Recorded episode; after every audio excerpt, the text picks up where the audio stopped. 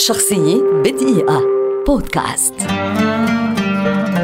ممدوح عدوان كاتب وشاعر ومسرحي سوري كبير ولد عام 1941 منذ أن وعى ممدوح الحياة وهو يحمل اسمين أحدهما موجود في الوثائق وآخر يناديه به الأهل في القرية. والثاني هو الاسم الذي اشتهر به ادبيا ولم يعرف هو نفسه باسمه الحقيقي مدحت إلا عندما التحق بالمدرسة الابتدائية. تخرج في جامعة دمشق قسم اللغة الإنجليزية عام 1966 وعمل صحفيا في صحيفة الثورة السورية منذ عام 1964 كما بدأ بنشر الشعر في مجلة الآداب اللبنانية ومجلات عربية أخرى في العام نفسه.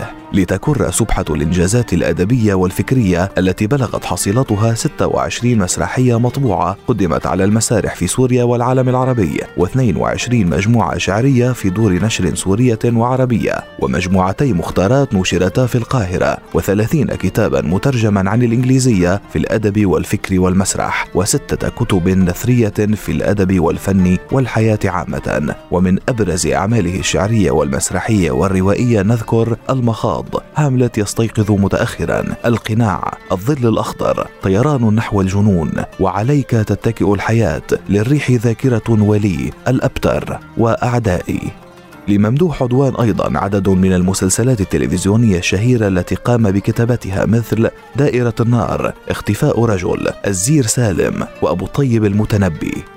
درس عضوان مادة الكتابة المسرحية في المعهد العالي للفنون المسرحية بدمشق منذ عام 1992 وقد نال خلال مسيرته الحافلة عددا كبيرا من الجوائز والتكريمات داخل وخارج حدود الوطن. هو الذي رحل عام 2004 بعد صراع مع المرض لكنه باق دوما في ذاكرة الثقافة العربية كواحد من أروع وأبرز وجوهها. شخصية بدقيقة. بودكاست.